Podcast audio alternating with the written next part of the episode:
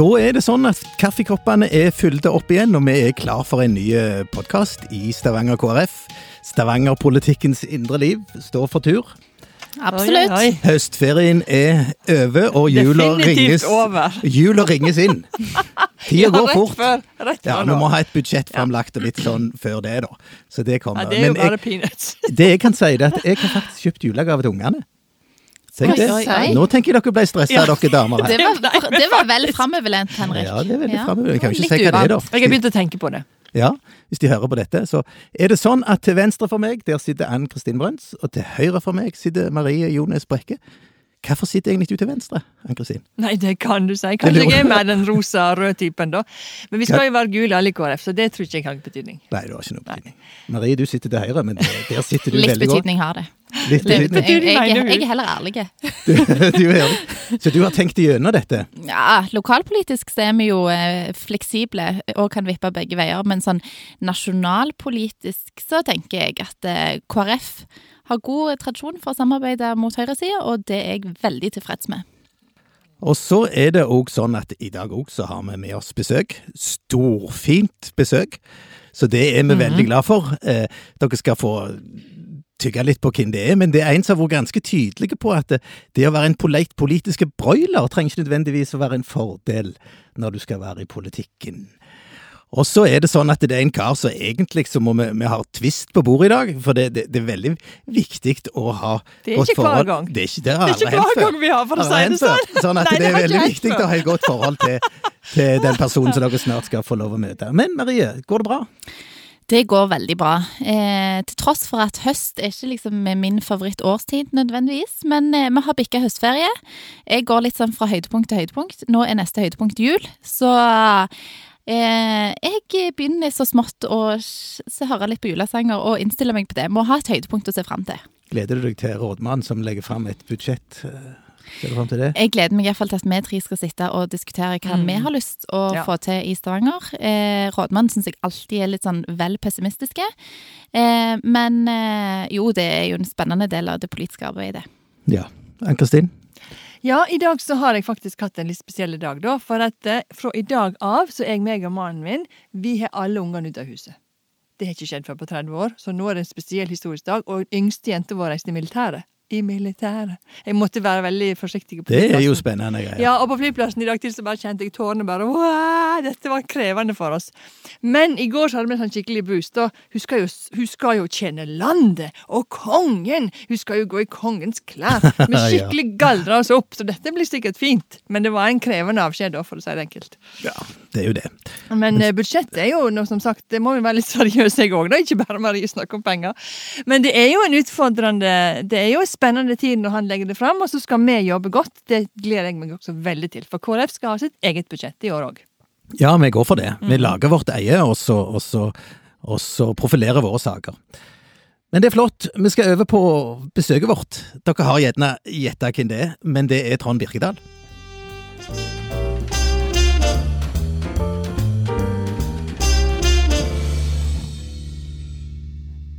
Hjertelig velkommen, Trond.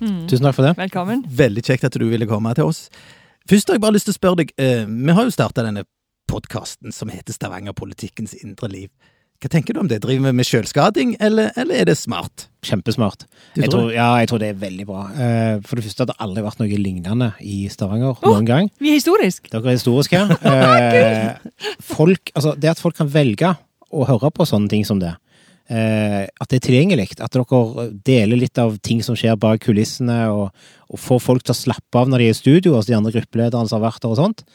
Det var vanvittig bra. Jeg frykter at det, liksom, den jevne innbygger gjerne ikke akkurat har fått det med seg. Men for folk som er interessert i politikk, så er det ingenting som er bedre enn dette her. Altså. Det er veldig bra. Det er liksom avslappa. Eh, folk har litt lave skuldre når de er her, og det viser at eh, det viser hva som bor i Stavanger-politikken. Så all mulig skryt for det, altså.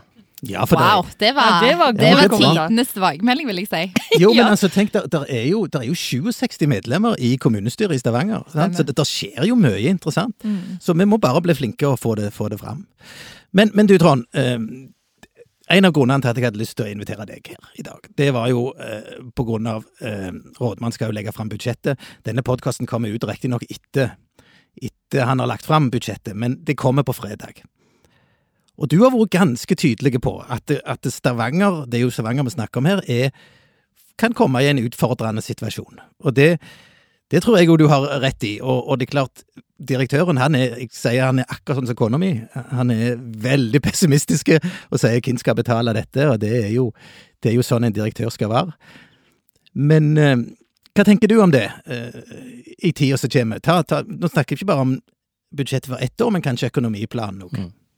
Nei, altså De økonomiplanene som har eh, vært lagt fram fra kommunedirektøren, har vært veldig tydelige. Én ting er liksom eh, gjeldsgraden det ene året, men når vi ser konsekvensen av investeringene som er lagt opp til innenfor eldreomsorg, skole Det, er jo verdige formål, det er ikke det, men det er enorme låneopptak som skal gjøres. Eh, de får òg altså konsekvenser for driftsutgiftene. Bygger du en ny skole, ja ja, så er det noen lærerlønninger og sånt som skal inn da. Mm. Så én ting er eh, økt gjeldsgrad, en annen ting er de økte driftsutgiftene. Eh, men når vi nå i løpet av perioden som kommunedirektøren skriver fram, kommer godt over det som er målet til kommunestyret på gjeldsgrad, Eh, og begynner å lukte på 80% gjeldsgrad og sånt, så er det problematisk. For det betyr at du må bruke mye mer av inntektene på å betale lån og renter istedenfor å drifte kommunen. Mm. Uh, og det legger veldig stort beslag på handlingsrommet til de folkevalgte. Mye mindre rom for politikk. Det er banken som skal ha sitt. Banken blir liksom hovedpersonen i kommunebudsjettet. Nei, for det er jo litt rart at altså, des, dette, dette, måltallet, da Dette ble jo litt teknisk, men dette måltallet, da. Sant? Hvis det er 60% at gjeldsgraden skal være. Så det er jo politikerne som har sett det. Og da lurer jeg, Hvorfor holder vi på med dette, da? Hvorfor er vi ikke mer realistiske når vi vet at det ikke går inn i framtida? Det er et godt spørsmål. Eh, korte svaret på det er jo at det, da innrømmer en sin egen svakhet. Altså Hvis en, ja, kan se at en har lagt et mål og det vil vi prøve å holde oss på, men akkurat nå så passer det ikke. ja, det... Kontra å øke gjeldsgradsmålet, og på en måte ha gitt opp i forkant, eh, tror jeg er to forskjellige ting. Og det vil òg bety at eh, statsforvalteren, som det nå heter, som tidligere fylkesmannen, vil begynne å følge nøyere med. For de er veldig opptatt av det, at det, det skal være en sunn drift i kommunene. Og de kommunene som ikke klarer å ha en sunn drift, som har for høy gjeldsgrad, de havner på Robek-lista og da er det ikke kommunestyret som vedtar budsjettet.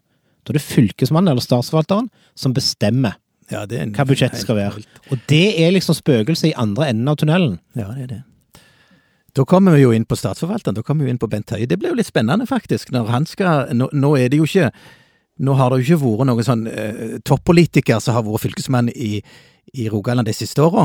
Jo, Magnhild. Ja, Magnhild har vært, men ikke ja. Det var en stund siden hun gikk av, ja. Det er sånn ja, siden hun gikk av, så ja. det ble jo litt spennende med Bent Høie. Og nå, nå, skal han tilbake i en posisjon der det sitter noen andre på Stortinget og gir noen andre føringer enn det, enn det som har vært tidligere. Det ble jo litt spennende. det kommer til å gå kjempefint. Han er jo tvers igjennom en profesjonelle fyr.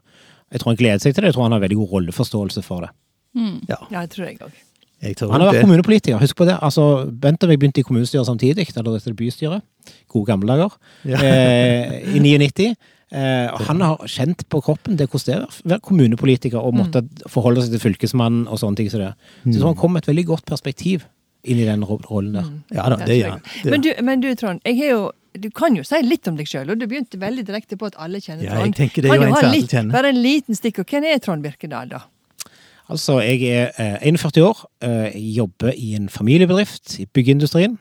Eh, og så har jeg vært politiker for ti år siden. Jeg var fulltidspolitiker fra 1999 til 2011. Mm. Altså jeg var 19 til jeg var 31 år. Så det er jo i aller høyeste grad det du kan definere som en broiler. Apropos broiling. ja, det var jo det. Eh, så har jeg vært ute av politikken ganske lenge, og så eh, driver jeg litt og følger med, da, kan du si. Jeg skriver i Aftenbladet en gang i måneden eh, kommentere litt eh, av og til om politikk. Eh, fortsatt veldig politisk interessert, men mm. veldig glad for at jeg ikke er politiker. Jeg har, jeg har merka meg det med dette industripartiet som jo har vokst opp nå. De har faktisk i sine statutter at du kan ikke være folkevalgt uten å ha eh, vært i lønn, eh, i arbeid. Altså, du, du må ha vært lønnsmottaker for å, å kunne uh, få være tillitsvalgt. Ja, Det er jo stikk i strid med Grunnloven, da, så de får jo lykke til hvis noen prøver den i retten. Er, er, det, er, det, er det, det, ja? Ja, ja, alle som er over 18 år kan stille til valg. Ja, akkurat. Ja, det er jo et poeng. Det er helt sant. Men eh, det er jo litt interessant at du advarer mot det å være en broiler. Hva, hva skulle du ønsket at du sjøl hadde mer å tilby når du sjøl var fulltidspolitiker? Jeg sier ikke at det er bare negativt med broiler, for at etter hvert så er politikk blitt et fag. På lik linje med det å være elektriker, nesten. Altså, Det er så mange ting som en skal mestre. Beste eksempel er kanskje når Torbjørn Jagland lagde sin regjering, og skulle være litt sånn freske, og tok inn en riksbibliotekar, eh, Bendik Rugås, Ja, og han tok inn Anne Holt, ikke sant? Altså, han skulle være litt sånn friske. Men det viser seg gang på gang på gang at de som er statsråder, som ikke har politisk erfaring, og spesielt parlamentarisk erfaring, som ikke vet hvor Stortinget jobber, de faller igjennom. De blir mye mindre effektive, de får ikke gjennomslag for sakene sine, og i større og større grad så må de gå av på grunn av en eller annen feil som de gjør. Manuel Ramin Osmundsen, ikke sant? Vi kan lage en lang liste med det. Så, så jeg sier ikke at det er galt uh, i seg sjøl med broilere, for, for vi må ha noen som kan være en, en motvekt til administrasjonen. I, I mindre kommuner der det ikke er fulltidspolitikere, er det i veldig stor grad administrasjonsstyrt. Da er det det rådmannen sier, som er lov. Eh, For du har ikke, så, så jeg tror du skal ha en blanding, men det som jeg gjerne, når du har kommet etterpå, når du har vært ti år i næringslivet, driver egen bedrift, har ansatte altså, Det å høre en politiker snakke om næringspolitikk, hva som er, hva som er utfordringen for bedriftene, når du aldri har vært der sjøl, det høres veldig rart ut i dag. Eh, folk tror liksom at å, ja, nei, det er bare for å få gjort noe med arbeidsgiveravgiften, så får vi liksom gjort noe, eller hvis det er inntektsskatten til bedrifter, så får du gjort noe. Men skoen trykker helt andre plasser, altså. Det må du nesten være, være er innom for å vite. Og det er jo litt sånn som å sitte i oppvekstutvalget som jeg sitter i, og så har jeg jobb ti år i skolen. Og jeg sitter jo noen ganger og tenker sånn ah, dette hørtes jo strålende ut på papiret, men det funker bare ikke inn i den hverdagen som jeg ser. Så litt det der å på en måte ha røynt litt eh, område som du òg skal ha sterke meninger om, kan være en fordel. Og så er det òg noen ganger forfriskende godt at noen heller ikke på en måte kjenner hverdagen inn og ut, for det kommer forslag som faktisk er gode, som ikke er tenkt på før. Så det er liksom på godt og vondt at en sitter og er politiker på skikkelig amatør. Eh, noen ganger frustrerende for, for den eh, sektoren som det berører, som en av og til opplever snakker litt over hodet på en. Men òg enkelte ganger så treffer det godt. Men jeg syns òg at det å ikke ha noe livserfaring tenker jeg også er ganske vesentlig. Altså det at en, hvis en har på en måte en Det er klart ingenting imot at du er ung og har masse energi, og har på en måte der går du inn med liv og lyst, men det å jobbe sånn som jeg i sosialarbeiderfeltet i 30 år, og, og sett hva det vil si å være på livets skyggeside i, på mange vis, er jo også en viktig dimensjon å ha med seg inn i politikken. Så om, ikke, om en ikke kan alle de der politiske faget, så er det viktig, tror jeg, å ha alle, alle mulige roller i Men derfor tror jeg at det er viktig at det er et lag, ikke sant? For alle kanskje har 30 år i sosialtjenesten, for eksempel. Ikke sant? Da blir det veldig retta mot den veien. Mm. Så jeg tror at det, og fortsatt er det sånn at et, et kommunestyre med 67 personer, der er det masse kompetanse. Mm. Noen har ikke gjort noe annet enn å være politiker hele livet. Helt greit, de trenger vi òg. Noen har jobbet 30 år i, i Mm. sosialvesenet, ikke sant? Kjempebra, det trenger vi òg. Men, men i det øyeblikk det bare blir broilere, så har du et problem. Og det så vi nå eksempel på så, så, jeg tror det var, jeg husker ikke hva vis det var som gikk gjennom eh, stortingslistene. Ja. Spesielt Arbeiderpartiet, og spesielt i Oslo. Arbeiderpartiet i Oslo sier stortingslister. Der var det ingen som hadde hatt et, hva det vil jeg si var et ordinært arbeid, da, som ikke er innenfor en eller annen interesseorganisasjon, kommunikasjonsbransjen eller politikken. Og det er nok ekstra problematisk når det skal være Arbeiderpartiet. Ja. Når du i tillegg har en partileder som heller gjerne ikke nødvendigvis kom fra arbeiderbevegelsen. Nei, sant? det Det gjør han jo ikke. Ja, egentlig. Det gjør han jo ikke. Nei, nei. Eh, sånn at, eh, så jeg tror det er et problem når det, hvis det blir veldig stor, tung vekt på den ene sida. Eh, Ja, og aldersmessig òg. Det er veldig få over 65 år på Stortinget nå.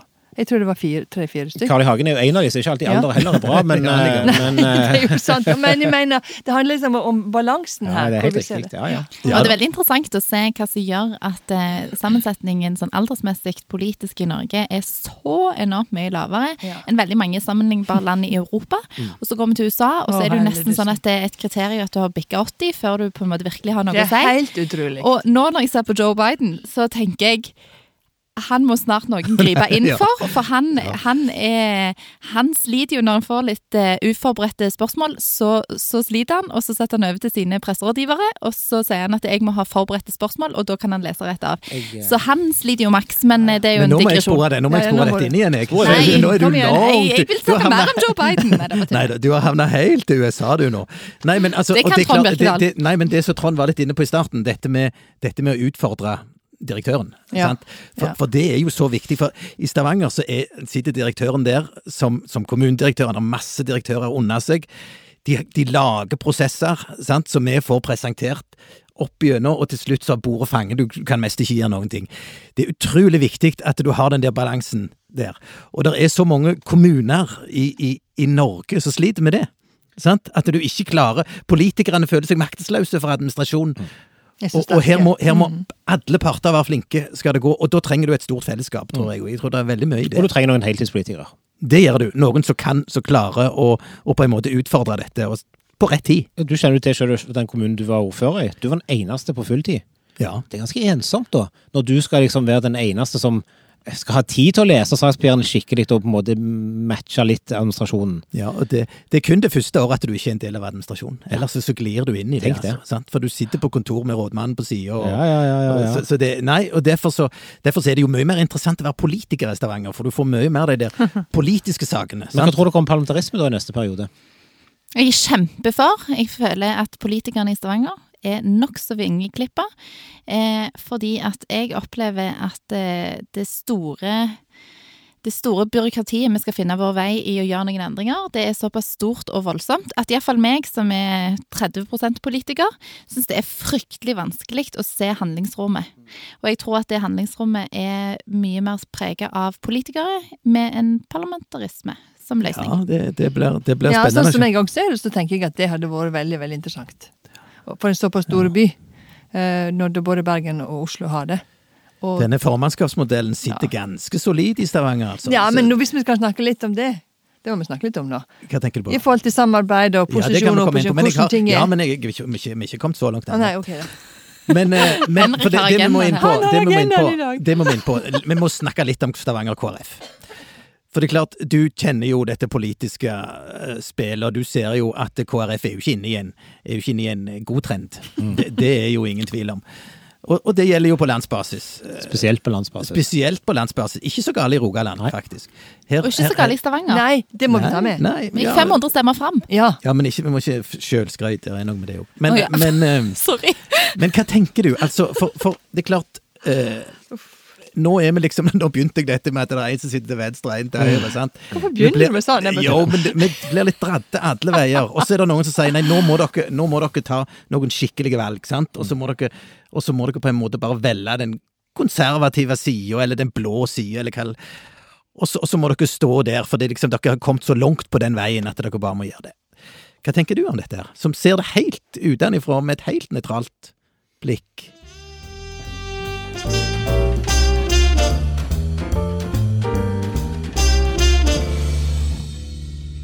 Altså, eh, jeg tror det hvis det er en veldig stort tema, eh, KrF sin framtid, for å si det sånn.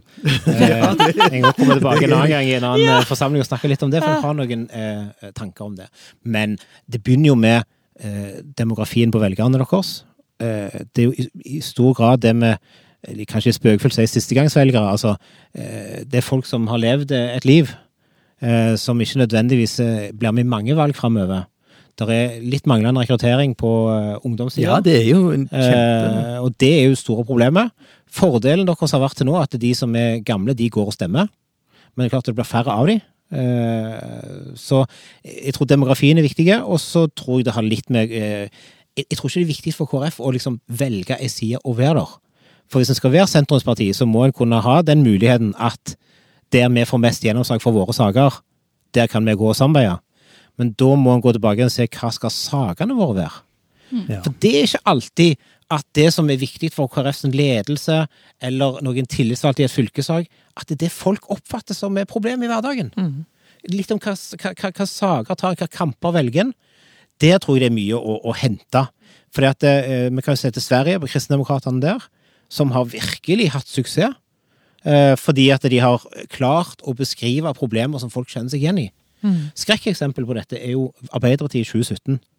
Der de hadde bestemt seg for at arbeidsledighet var det store problemet. Og de kjørte på det hele valgkampen. Selv om fire-fem måneder før valgkampen så var det ikke arbeidsledighet. For da var liksom, den valgkampstrategien var over, og så, og så brukte de den allikevel. Det viktigste en politiker kan gjøre, det er å svare på det som folk oppfatter som problemer. Og da er spørsmålet hvor setter en inn støtet? Hva er viktig for KrF? Eh, og er det noe som stemmer med det som er viktig for folk? Eller blir det sett på som for spesielt interesserte? Mm. Ja. Men Du, gode utfordringer.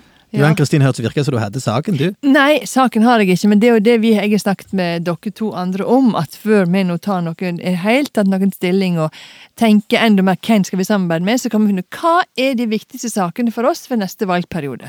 Hva er det vi vil ha frem gjennom, og hva er det vi har fått igjennom, eventuelt med samarbeid tidligere, og hva er det vi ønsker å ha fokus på. Tenker og du da- lokalt? Lokalt. Ja. Og da, vi må tenke lokalt nå, for nå er det Ja, det vi har snakket om. ja, vi snakker Og om da det. tenker jeg, Hvis ikke vi har det klart for oss, så blir det veldig vanskelig eh, å se for seg hvor det skal bli etter neste valg. Vi må ha det klart for oss og, signalisere det til våre velgere, og så må vi jobbe godt med dette.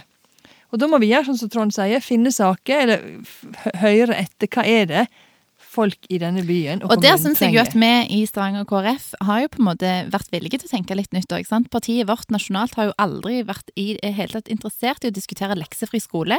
Vi har gått inn for det i Stavanger. Vi ønsker å møte noen av de utfordringene familiene sitter og strever med på ettermiddagstid når ungene kommer hjem. Her ser vi en kjempeutfordring. At det er, der er problematiske sider med lekser. Sant? Der er vi villige til å skape politikk som ikke nødvendigvis er helt i takt med alle andre KrF-lokallag, men vi ønsker det, og vi har tatt det opp ved flere anledninger. Ja da, jeg, du, har, du har nok et poeng her, men jeg, jeg tror òg det er Altså, det går ikke an å spå i framtida, men, men jeg tror det er viktig å gi seg noen tanker om framtida. Og jeg tenker, hvis du tar bompengesaken, da, sant? så kommer dette partiet inn Er det seks representanter de har i kommunestyret? Ja. Ja. Bompengepartiet. Mm. Det, det kommer de inn på én en, enkel sak, Mm. ikke sant? Og jeg husker i hele valgkampen så følte jo vi oss at vi, vi, vi kom jo aldri på banen, på grunn av at denne saken her var av så stor betydning, og det var det som fikk, som fikk hele fokuset. Så det, og hvis du hadde sett litt inn, hvis vi hadde klart å sitte litt inn i glasskula, så kunne du kanskje klart å fange opp den, og komme i en annen posisjon, en annen situasjon. Men jeg, jeg tror det handler gjerne ikke nødvendigvis om det å prøve å treffe tidsånden, for det tror jeg er vanskelig. Det er litt sånn som aksjer. Du klarer liksom aldri å treffe helt uh, uten at du har flaks. Uh, det kunne like så greit vært at den saken der kom på våren og fisla ut igjen. Hvis regjeringen hadde gjort noen grep, hvis de hadde fjerna rushtidsavgiften fra regjeringens side på våren, så hadde det ikke vært en sak i Stavanger. De var for seint ute, ikke sant? Så der, han hadde litt ting på side, liksom flaks, eh, Frode Myrhol. Men så vet vi jo at målingene umiddelbart etterpå viser at det, partiet har jo ingen velgere igjen. Nei, de er vekke. Eh, og det er klart det er vanskelig for de som baserer eh, styret sitt på en sånn en eh, blaff som det. Jeg tror det som er viktig, det er å finne ut eh, nok en gang hva er relevant for eh, inn, Ikke tenk velgerne, men innbyggerne. Altså, Hva er det folk sliter med i hverdagen? Hva er det de er bekymra for? Spesielt i Rogaland. Vi snakker om grønt skifte. Klart Folk er bekymra for jobbene sine. For de hører om grønt skifte, og de vet at det betyr at deres jobb sannsynligvis ikke blir i framtida. Hva skal de gjøre istedenfor? Altså, svar, finn svar på det som er reelle problemer i hverdagen. Gode svar som de stoler på, og som de kan være trygge på. Så enkelt er det egentlig. Eh, Trygve Slagsvold Vedum han er møkk lei av å snakke om hele landet vårt som vi er så glad i, men han har gjort det på inn- og utpust ja, hele tida. Eh, Sjøl når det var upopulært, og så traff han. Eh, så gjorde ikke Senterpartiet et like bra valg som vi hadde forventa, men de, de gjorde allikevel et bra valg. ikke sant? Og sitter nå og skal styre landet. De gjorde jo et kjempebra valg. Ja, det gjorde de Men, men jeg tror de som sitter Ja. med liksom masse meningsmålinger og, og fokusgrupper og tester ut budskap og sånne ting som det, tror jeg er litt misforstått. Det handler om å finne noen ting som du tror på sjøl, som harmonerer med det velgerne er opptatt av. Finne noen gode løsninger, og få troverdighet på det. Det Ja. er ikke vanskelig, egentlig. Det er mye gode tanker her. Det er mye gode Ja. tanker, men nei, det er ikke vanskelig. Men det er klart Men du det er må vanskelig treffe. samtidig. Ja, det er jo det. Men vi må snakke litt om samarbeid i Stavanger-politikken nå. Må det? Ja, ja, ja. Ja, ja, ble du helt avskremt? Nei, nei, nei, nei, nei, det var bare Dette at jeg avbrøt deg, dessverre. Jeg var ikke sånn, meningen å avbryte, Henrik. Det var litt uhøflig. Nei, men, men jeg tenker Nå har vi jo vært inne på KrF. Vi er et sentrumsparti. Punktum. Det betyr at vi står eh, sentralt i, i det politiske landskapet i Stavanger, og det ønsker vi å gjøre.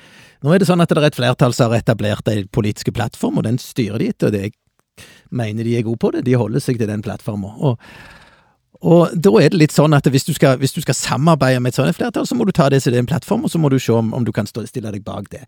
Sånn som det er nå, så kan jo ikke vi det. Vi har jo mange saker som, som ikke er i tråd med det.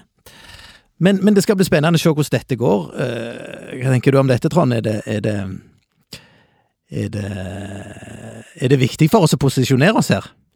Jeg er mer interessert i hva dere mener om dette enn hva jeg mener om dette. for å si det sånn. Dere kommer til å sitte på en nøkkel her. Eh, For dere er et sentrumsparti og kan gå begge veier.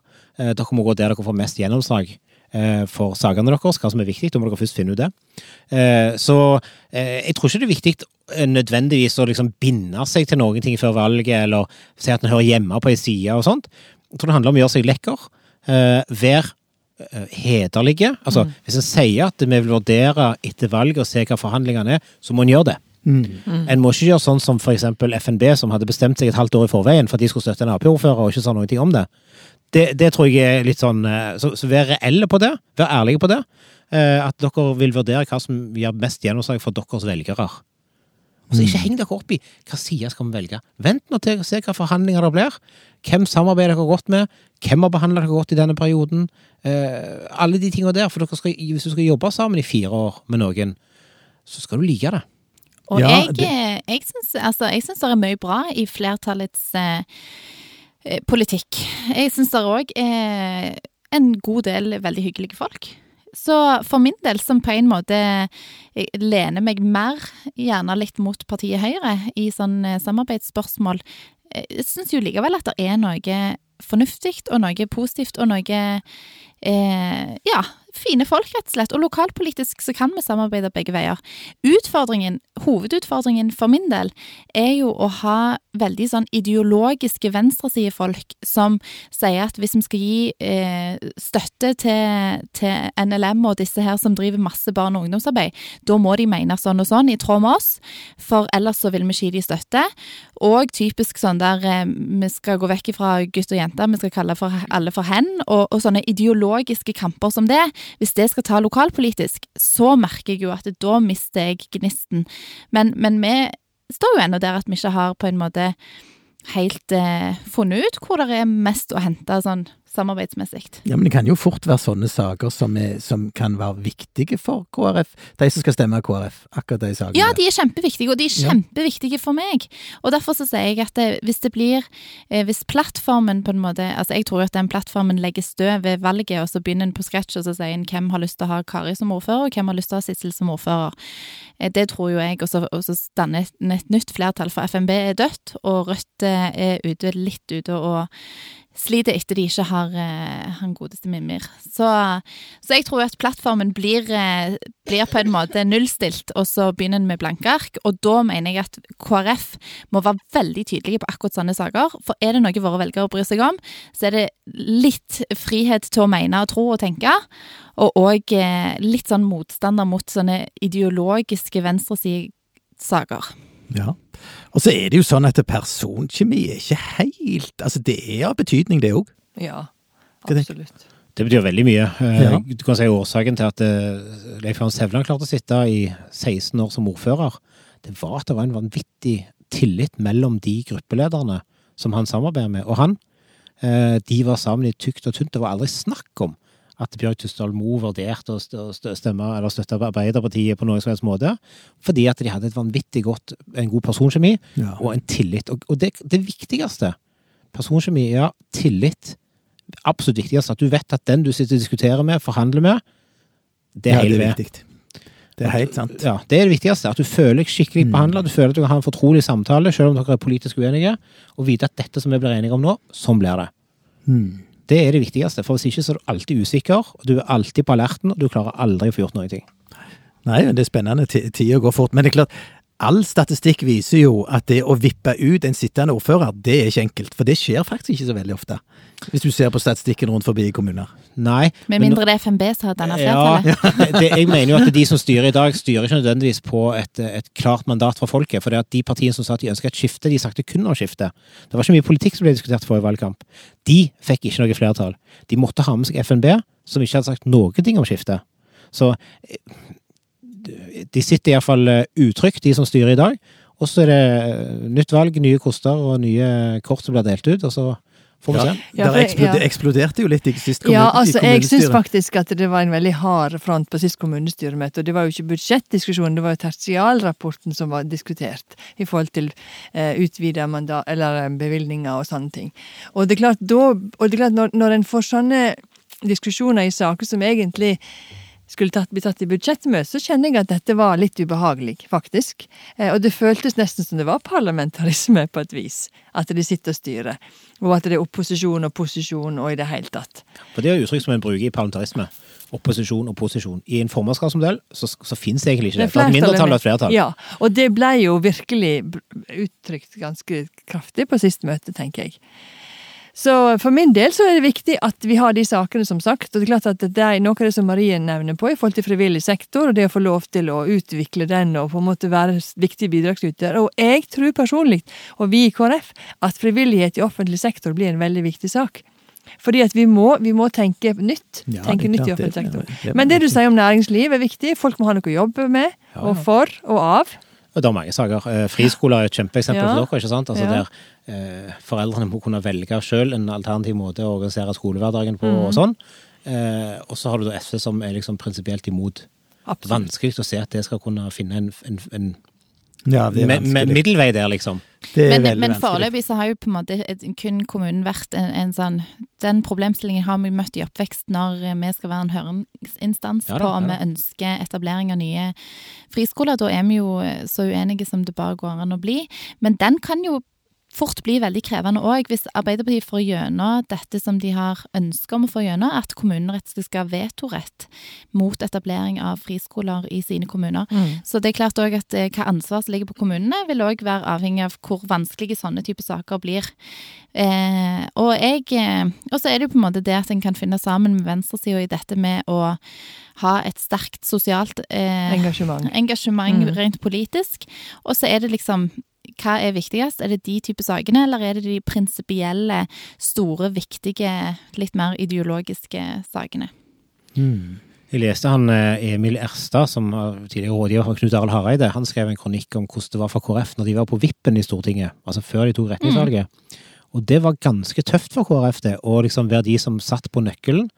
Alle var ute etter å påvirke de, og, og han beskrev det på en måte som jeg aldri har sett på det. Jeg har aldri tenkt på at det kunne være så vanskelig, for jeg tenker du sitter jo der og bestemmer. Eh, mm. Hva er bedre enn det? Det er sånn du sier, sånn blir det jo. Men han sa at KrF opplevde det som et problem. At de ja. alltid måtte ta stilling, og at det ble sånn som de uh, mente. Så det er gjerne ikke bare bare å sitte på vippen heller. Nei, det er nok, det er nok utfordringer med det òg, selv om akkurat, akkurat, i den situasjonen så tenkte jeg òg at det måtte jo være en ideell situasjon. Ja, ja. Altså, det måtte jo være en, en, ja, det måtte være en drømmeposisjon. Men, men, det er klart, det, partiet gikk nedover, så det sleit jo, det sleit jo på det, altså.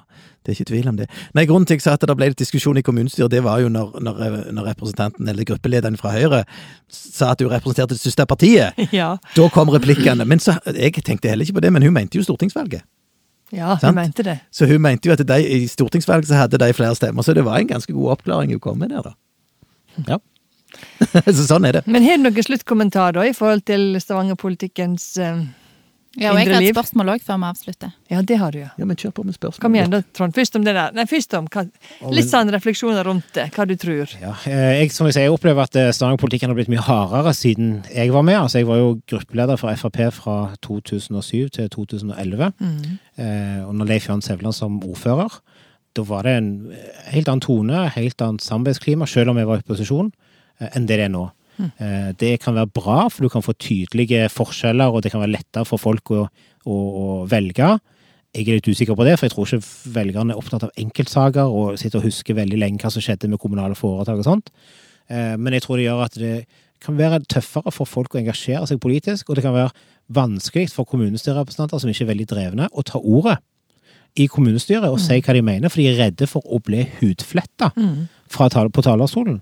Og det er veldig bekymringsfullt for det politiske ordskiftet i Stavanger, og for demokratiet i Stavanger. Mm. Så det tror jeg, hvis jeg skal oppsummere, så tror jeg at det, eh, alle parter, men spesielt de som styrer, har et ansvar for å legge til rette for at folk kan få si det de mener uten å være livredde for å bli hudfletta. Det er et kommunestyre.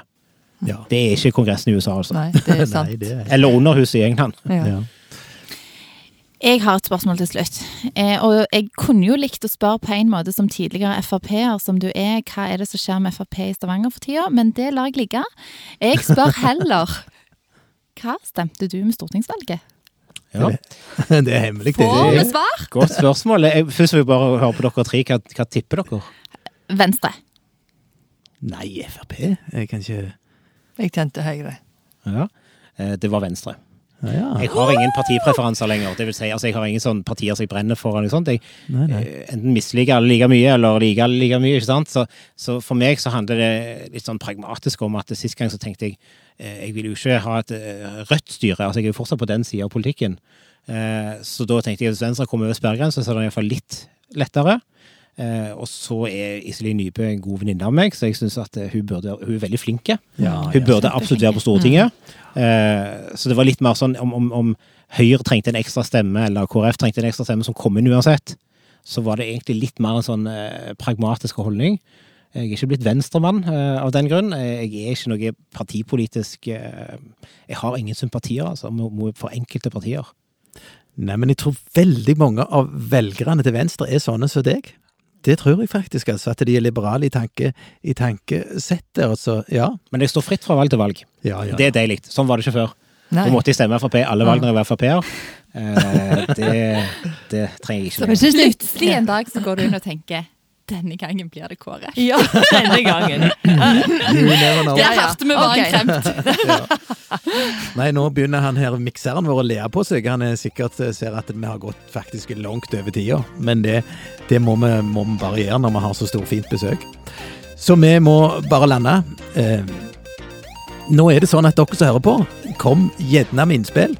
Det setter vi stor pris på. Det er jo så mange plasser dere kan komme med, med innspill på sosiale medier og på e-post. Og, og kan faktisk òg sende brev ennå. Ja. I ikke, går det an? posten. I posten. det. Det er veldig komplisert, men det går an. Ja, det går an. Ja, Mm. Dere kan faktisk sende brev ennå. Ja. Så det hadde vært veldig hyggelig. Og da sier vi bare tusen takk for denne gang, og så snakkes vi snart igjen. Ja, det, Det gjør vi. Ha det godt. Ha det.